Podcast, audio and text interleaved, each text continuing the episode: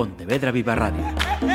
Cara a cara. Damas y caballeros, la Asociación de Directores de Informativos de Radio y Televisión da la bienvenida a Catalina González Bea. Hola, ¿qué tal? Con la mirada puesta en el 8 de marzo, este cara a cara lleva el nombre de una mujer. Una mujer de la que los periodistas que trabajamos en la provincia y en Galicia hemos hablado muchas veces y mucho tiempo. Así que lo primero de todo, Catalina González Bea, mm, bienvenida a Pontevedra Viva Radio. Muchísimas gracias, muchas gracias por invitarme. Eh, un placer de hacer, eh, que por cierto es la, primera vez, ¿no? Que te ponemos aquí delante de los micros de Pontevedra Viva, ¿no? Había tenido Yo ocasión de hablar que contigo. Sí, creo que es la primera vez. Pues como se suele decir, que no sea la última. Espero que no. Decía, hemos hablado eh, mucho y muchas veces eh, de ti durante tu presencia y participación en la política, concretamente en San Sencho, eh, como concejal, como alcaldesa, pero esta vez eh, te invitamos para que nos hables de tu trabajo primigenio y qué está pasando en, esa vuelta a, esa profesión. Para comenzar algo que ya, ya has contado muchas veces pero aquí, no, así que te lo tengo que preguntar. Redeira, eh, por herencia de, las mujeres de tu familia, ¿no?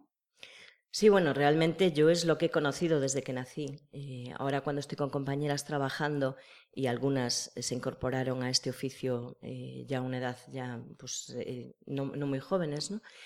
Y a veces el lenguaje que utilizamos les sorprende. Y a mí me llama la atención y digo, claro, a mí no puede sorprenderme el lenguaje propio de las redeiras porque es que es mi lenguaje materno. Yo nací con él. el hablar entre las redes, entre mi padre, mi abuelo, mi madre, cómo se hacían, qué tipo de redes, cómo se, qué partes de la red, qué materiales se utilizaban. Eh, eso para mí es mi, lenguaje materno, con lo cual no me sorprende y me encanta. Y cada vez estoy más convencida de que es algo muy necesario de proteger y de, poner en valor.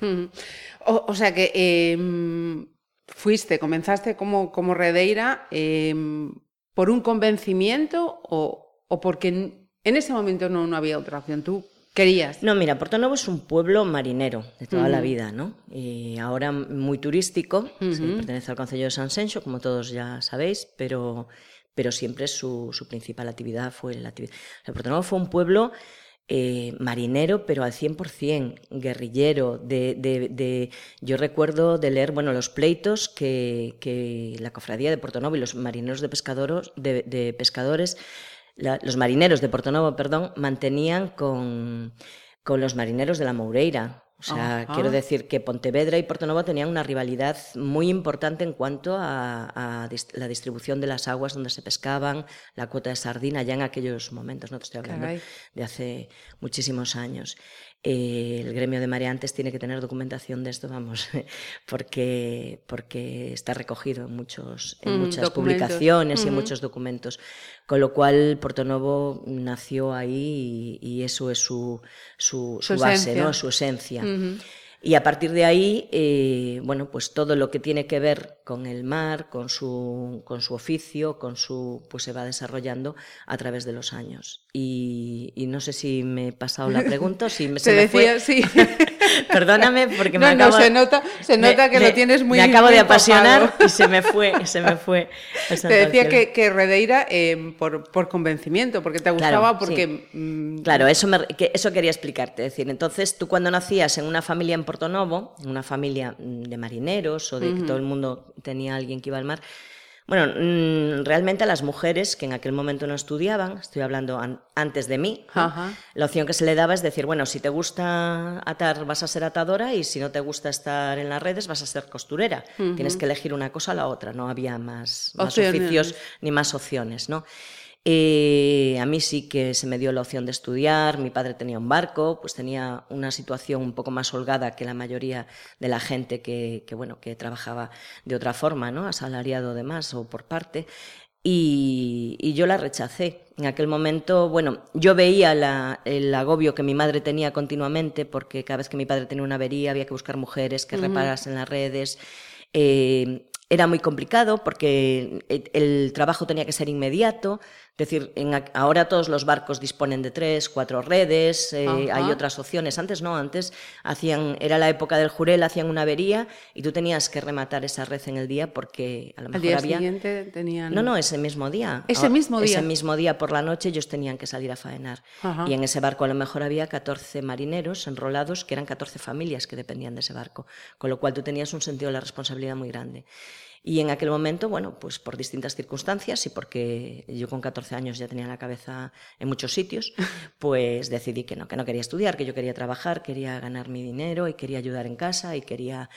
Y bueno, luego todo lo que hice después, lo que fui estudiando, pues no fue arreglado, lo fui haciendo por, porque me interesaba en todo lo que yo hacía y, y fue formación eh, no reglada y, de hecho no tengo ni el título de heredera, porque no hice ni, ni el curso. Necesitas un curso para tener un título. Ah, no lo sabía. No, sí, sí, sí.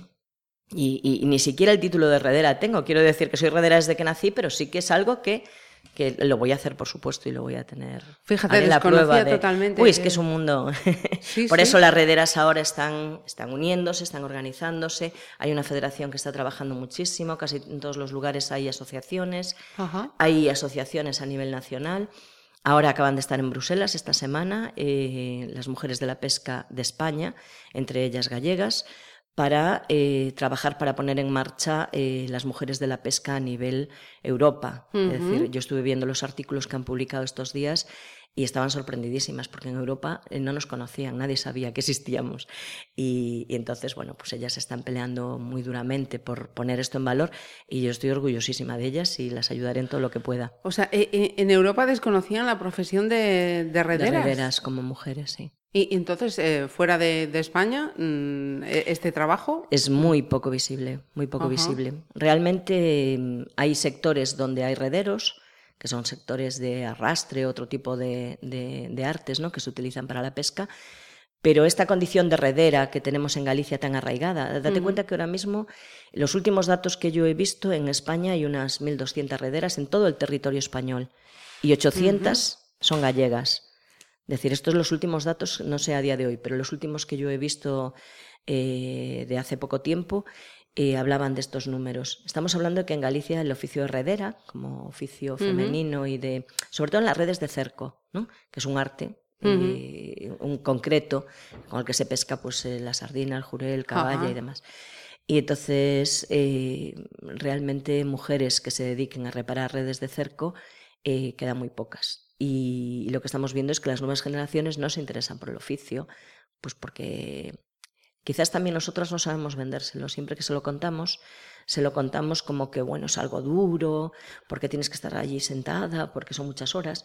Y al final no nos damos cuenta que es un oficio como todos los trabajos. O sea, tú también tienes que estar aquí sentada, tú también tienes que estar fines de semana porque tienes trabajo que hacer, tú también tienes que organizar tu casa y tu familia para venir aquí antes de trabajar. Es decir, todos los oficios son duros si tienes una vida profesional plena, con lo cual lo que hay es que organizarse y luego tiene una parte maravillosa, que es, poder eh, estar cerca del mar, poder estar al aire libre, y al aire libre muchas veces, otros, otras veces trabajamos en naves o en nuestra propia casa, pero realmente es una parte fantástica porque te da una libertad y una, una capacidad de organizarte tú misma, ¿no? Y, que es un oficio precioso, que es como estar haciendo un hobby continuamente si te gusta, y cada vez te gusta más y cada vez te engancha más y, bueno, que es, que es maravilloso. Y hay que transmitirle eso a la gente joven porque, porque Galicia puede ser el, el norte de España, pero fundamentalmente Galicia puede ser para toda Europa un sitio importantísimo donde, donde el oficio de heredera eh, se valore y, y donde podamos enseñar incluso eh, en otros lugares de Europa cómo se realiza, porque realmente es un oficio que es necesario. Sí, sí, fíjate, no, no había pensado yo que esta entrevista iría por estos eh, derroteros, eh, pero me, me, está encantando porque efectivamente es lo que decías, ¿no? Quizá tiene ese significado esta profesión que, que no atrae a, a esas nuevas generaciones y efectivamente hay que darle esa vuelta y... Mira, el otro día estuvimos hace, en noviembre, el otro día, claro, que los meses cuando ya pasas de los 50 te pasan muy rápido. Y yo tengo 54 y cada vez me vuelan más. Pero el noviembre, que no fue el otro día, pero casi, estuvimos en un congreso que hubo en Gijón de, mujeres de, la pesca, ¿no? A nivel, a nivel nacional. Y la gente que venía del Ministerio, de la Secretaría de Madrid, se sorprendía de lo felices que veía a las mujeres gallegas y de todo el norte de España cuando se jubilaban. Decía, es que vosotras parece que os jubiláis y que, que, todavía os tira, que y nosotras que estamos allí en el despacho estamos deseando jubilarnos para perder el trabajo de vista. Decía, nosotros no, porque nuestro trabajo nos hace felices. Entonces, los marineros que se jubilan, su objetivo es poder ir a pescar algún día, porque lo llevan en la sangre. y, y, las mujeres que, que trabajan en el mar también, o sea, les encanta, porque pues, es algo que te hace feliz. Qué grande es eso. Yo te quería eh, preguntar también como decía al principio, no hemos hablado de ti muchas veces en relación a la política, pero yo cuando estaba preparando esta charla decía, mm, ¿cómo fue ese día en el que mm, Catalina deja la política y dice, vuelvo a lo mío, vuelvo a ser heredera? ¿Cómo fue ese día, Catalina? Mm, el dejar la política fue muy duro. Eh, fue muy duro, fue una decisión muy sopesada y después de, mucho dolor y de muchas cosas muy feas.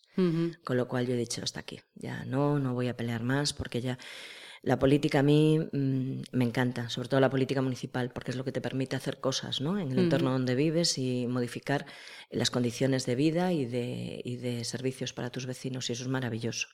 La política mueve absolutamente todo lo que nos sucede en el día a día, absolutamente todo. Es decir, las rederas acaban de estar en Bruselas, pero en Bruselas se decide lo que comemos, lo que estudiamos, la cuota de pesca que nos dan, la cuota de, todo, de, leche, mm. la cuota de cómo tenemos que transformarla, a quienes se le dan las ayudas para hacerlo. Eh, bueno, ahora que los agricultores también están demandando tanto, estás viendo lo importantísimo que es la unión. O sea, en Bruselas la gente que va eh, dentro de un lobby, que va dentro de un grupo fuerte a reclamar sus derechos, eh, bueno, pues tiene la, que consigue, que, se le escuche los resultados. Y luego en el sector primario, pues eh, las personas de a pie, es imposible. Y eso tenemos que mentalizarnos, que, es nuestro deber organizarnos para que eso cambie, porque si no, no cambiará, nadie lo va a hacer por nosotros. Entonces, dejar la política fue muy duro porque a mí la política me apasiona como bueno, como la mayoría de las cosas que me gustan y hago en la vida, ¿no? Que eso es una Yo creo que todo, todo lo, que, haces. Lo que te gusta. Hay mm. cosas que no te gustan, que no, pero lo que me gusta y eso es maravilloso porque te hace sentirte vivo siempre, ¿no?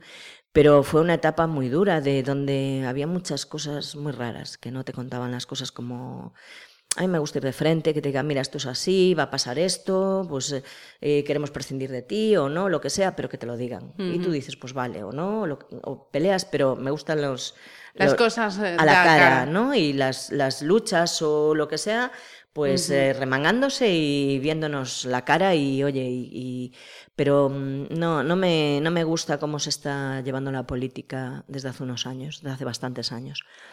Entonces, bueno, dije, bueno, hasta aquí. Y mi idea era poner un restaurante, que lo puse, lo puse en marcha, trabajé muy duro tres años, cuatro años en él, y, tenemos un problema en San Sencho, yo creo que en todo Galicia y en las zonas turísticas, eh, que tiene una importancia que hay que valorar ya y ponerse a trabajar en ese, en ese campo, que es la falta de personal especializado en lugares donde la estacionalidad está marcada, como en San Sencho. Tenemos un problema muy gordo. Entonces a mí me pasaba que, claro, yo no soy cocinera, yo tengo el restaurante, pero yo no soy cocinera, ni realmente soy una profesional del sector, ¿no? Y a mí me costaba mucho todos los años encontrar el perfil de, profesional que yo buscaba, porque es lógico, una persona que de verdad está preparada lo que busca es un trabajo para todo el año, no un trabajo mm. estacional. Con lo cual, al final, después de darle muchas vueltas, pues hay una persona que es cocinera, que su pareja lleva la sala y que es un matrimonio estupendo, a los que le he alquilado el local después de trabajar duro cuatro años, que están muy contentos y nosotros también, porque ellos sí que se dedican a lo suyo. Y yo he podido dedicarme a esto también pues a tiempo completo, a ver todo lo que, cómo están las cosas en este momento, todo lo que quiero hacer, ver, bueno, con mis compañeras, que son estupendas lo que tenemos entre manos y, y, bueno, la política te decía que fue muy duro porque mm, de repente el cambio es eh, emocionalmente es, muy difícil. Es, intenso. Es, muy intenso. O sea, de. Eh, no sé, yo creo que el peor día fue al día siguiente de, dejarlo, ir al paro a entregar mis papeles. Eh, fue como un.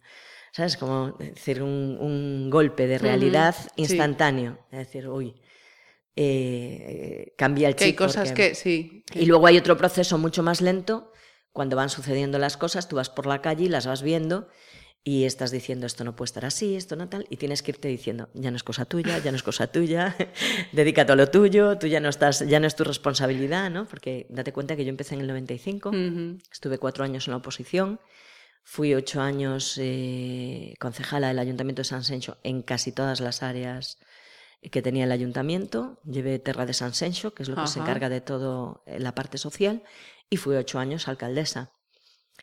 Y en, la cabeza eh, ya en momentos muy duros. Entonces fueron 20 años de mi vida, que fueron los 20 años en los que tuve a mis hijos, en los que, en los que me casé, en los que me divorcié, en los que pasó todo lo importante en mi vida también personal, ¿no?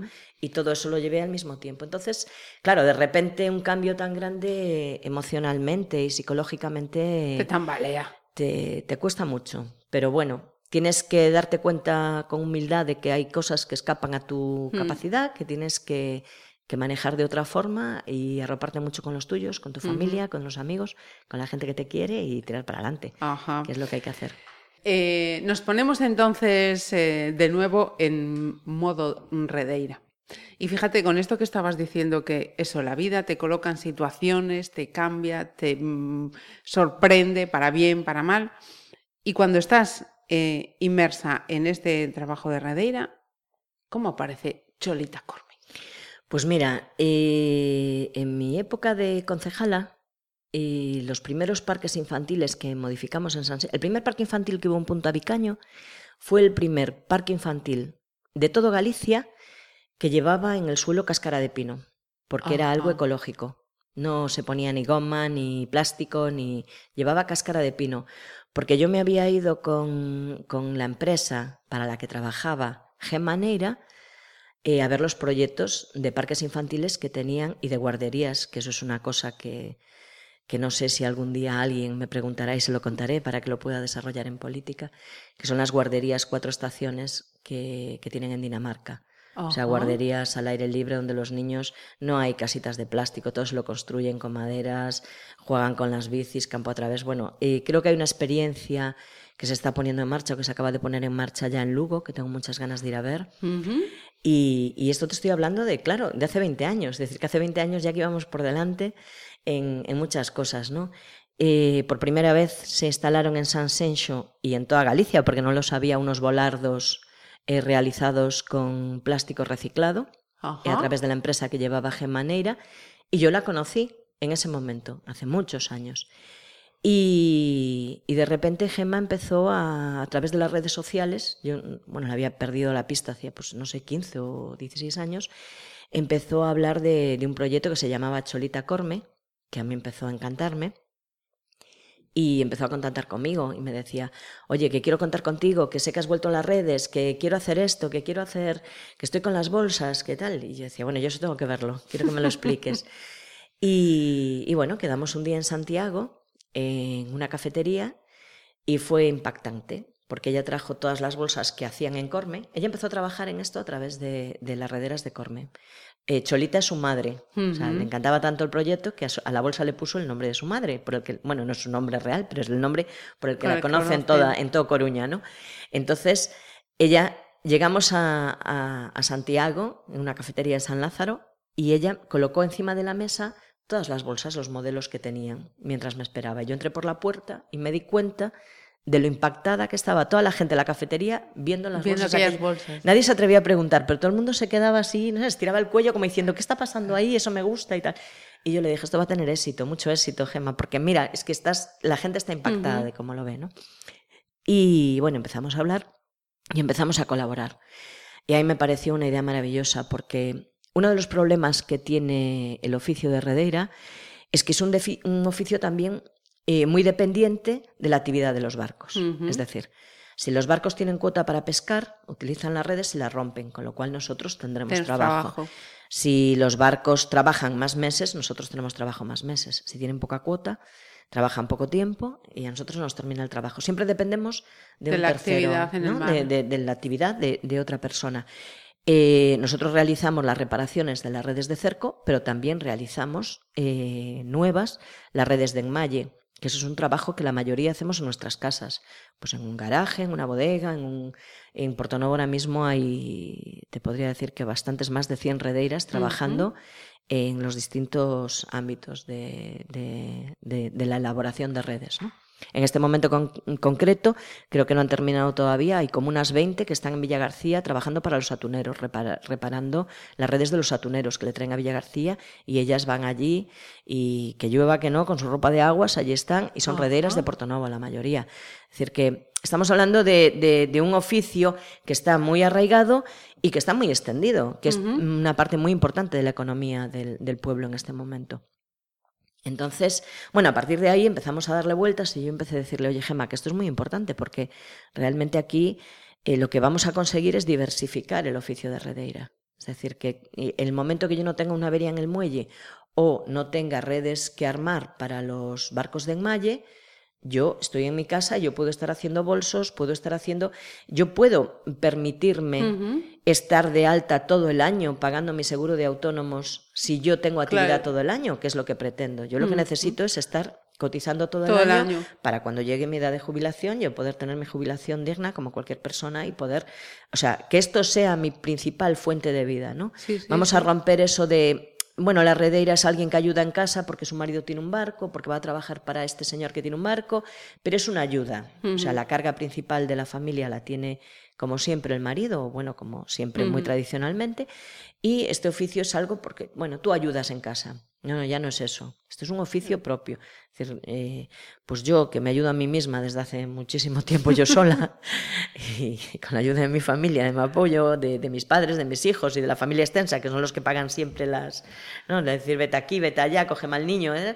Pues yo necesito un oficio que me mantenga a mí, que pague los gastos de mi hija, que todavía está en la universidad. El mayor ya, ya se ha independizando, pero la pequeña todavía. Aún necesita. Entonces, oye, que, que, yo tengo 54 años, que para poder cobrar el 100% de mi jubilación tengo que trabajar hasta los 67, como mínimo. Si soy capaz de cotizar todos los meses del año como autónoma.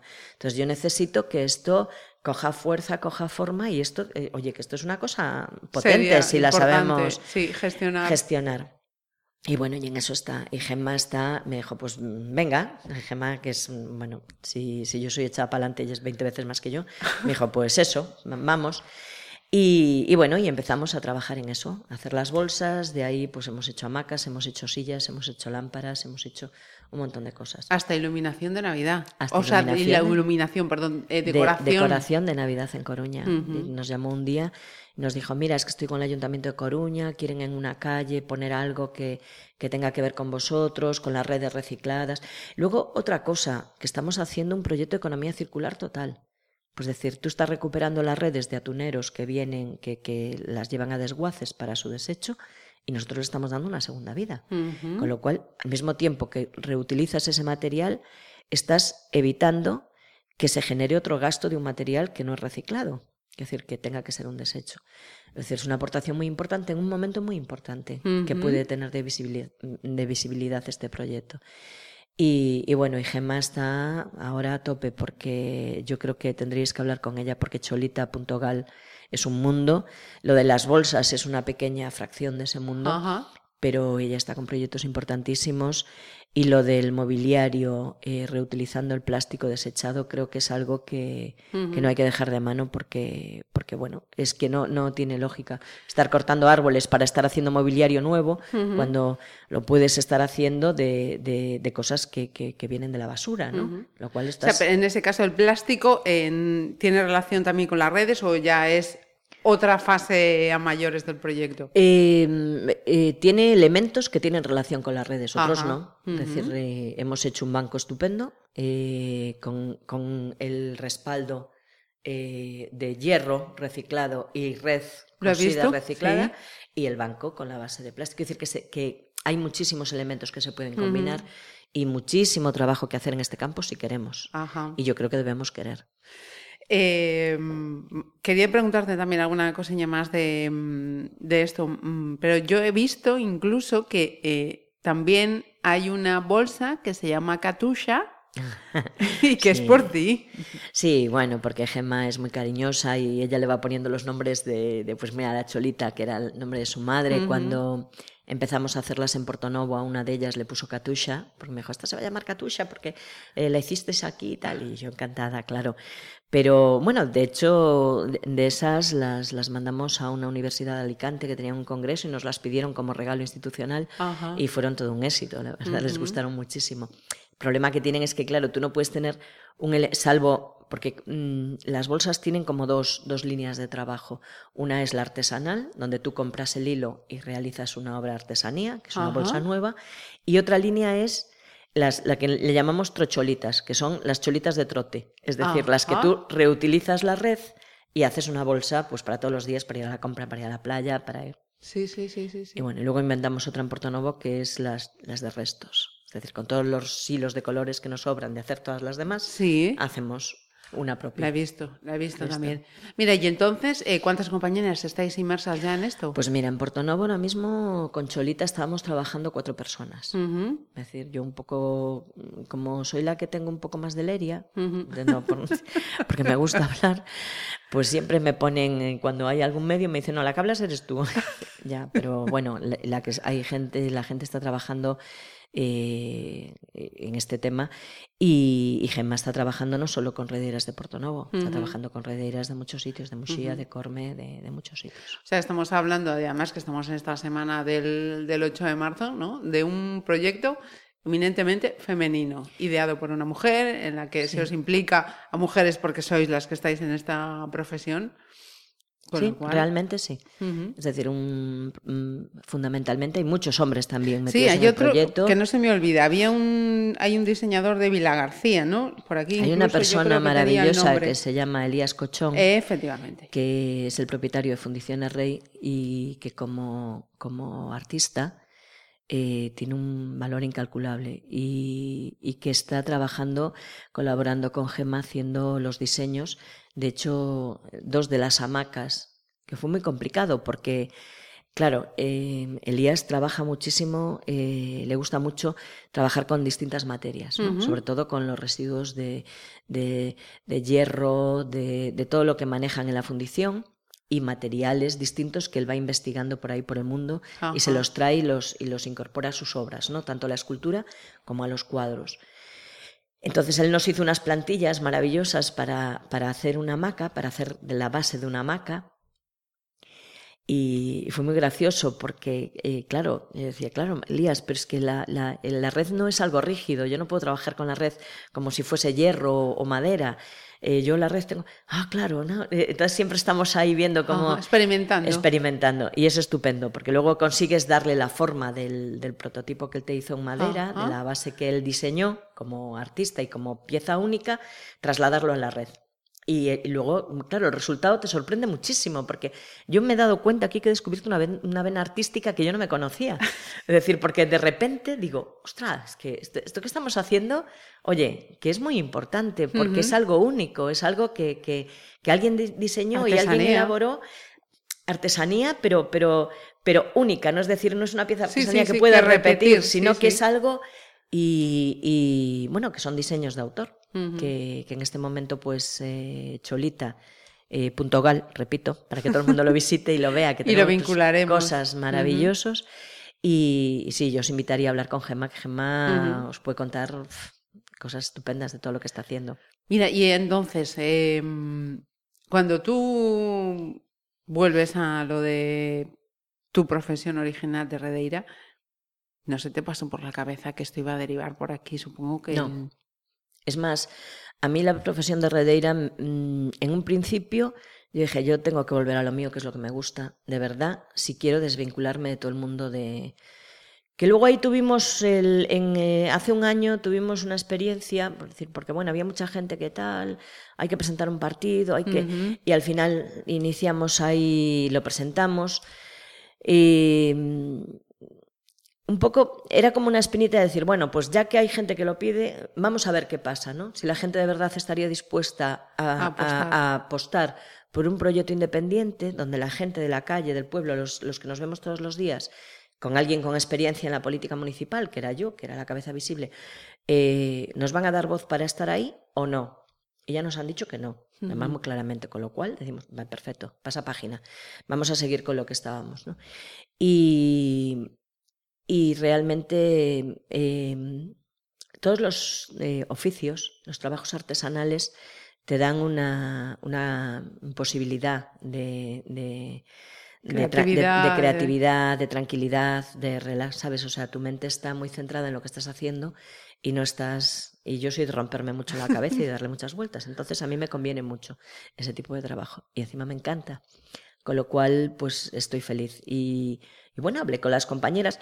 Realmente yo pensé que, que esto estaba, no sé, no, no, no lo estaba siguiendo porque donde existen las cofradías de pescadores, ¿sabes? Eh, eh, es como, son como dos administraciones un poco paralelas. En el Ayuntamiento de San Sencho, la cofradía de Puerto Nuevo es una cofradía con mucho peso, con mucho...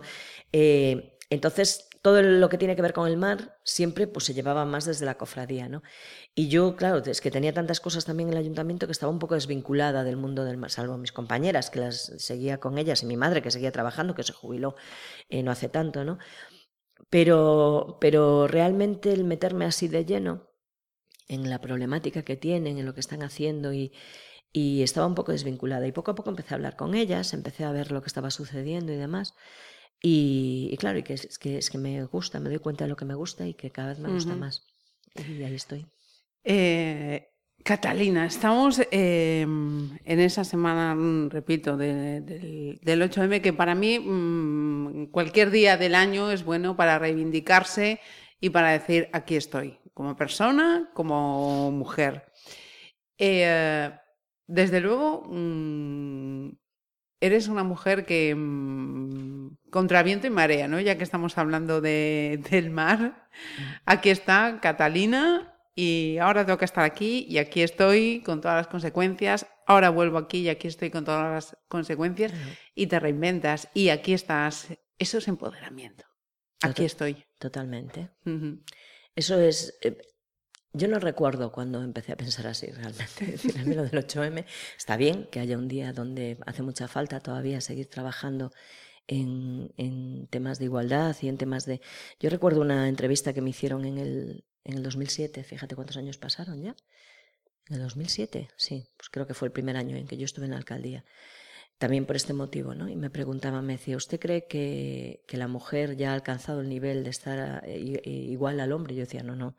Me decía, le falta mucho al hombre para igualarnos a nosotras. Decía, yo no conozco a ningún hombre que esté separado, que lleve dos hijos, que lleve una casa, que tenga que una familiar, el padre que llevar a poner el cintrón todos los meses, que tenga y que se encargue de todo eso y que lo haga bien, uh -huh. o mínimamente bien, defendible al menos. Entonces, entonces, la mujer estamos muy por delante ya. Lo que nos falta es que se nos reconozca, sobre todo la mujer gallega.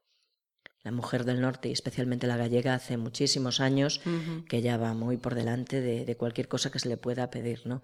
Yo creo que ahora lo que tenemos es que centrarnos en nosotras y organizarnos. Es decir, mira, hemos hecho muchísimo trabajo, muchísimo trabajo, se nos ha reconocido muy poco, uh -huh. entonces vamos a empezar a pelear para que se nos reconozca y que se nos valore uh -huh. y que nosotras mismas nos valoremos, porque es terrible decir que somos nosotras muchas veces las que no nos creemos lo que hacemos.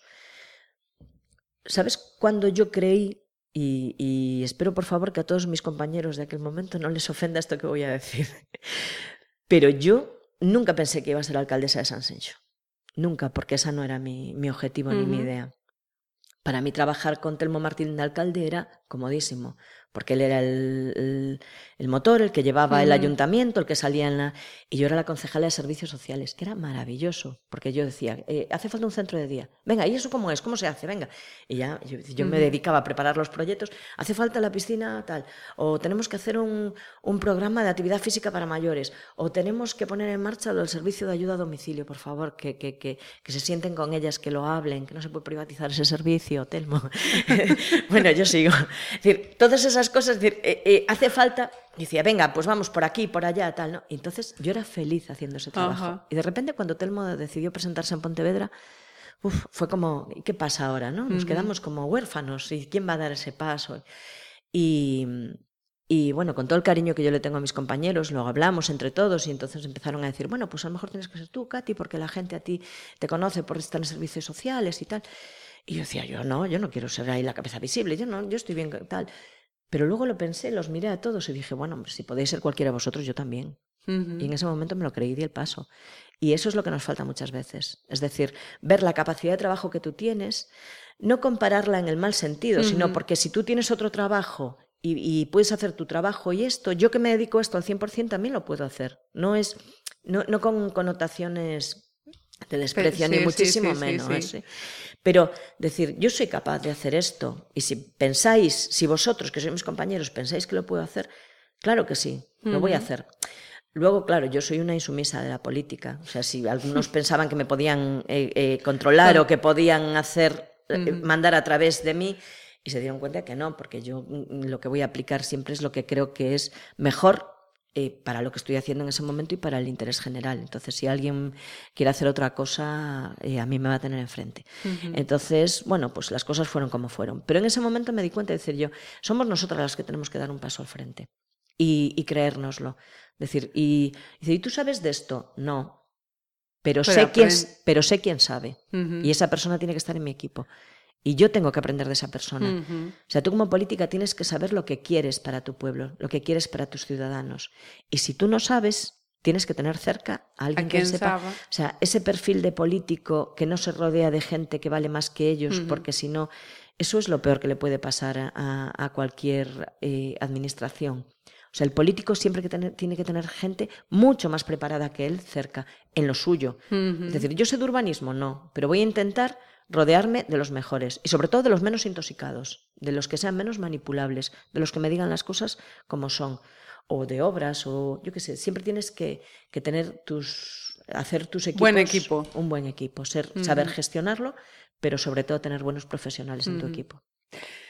Pues así es que, Catalina, así... Perdonadme porque yo me, yo me dejo llevar y sigo, ¿eh? Yo podía estar aquí toda la mañana hablando con vosotros.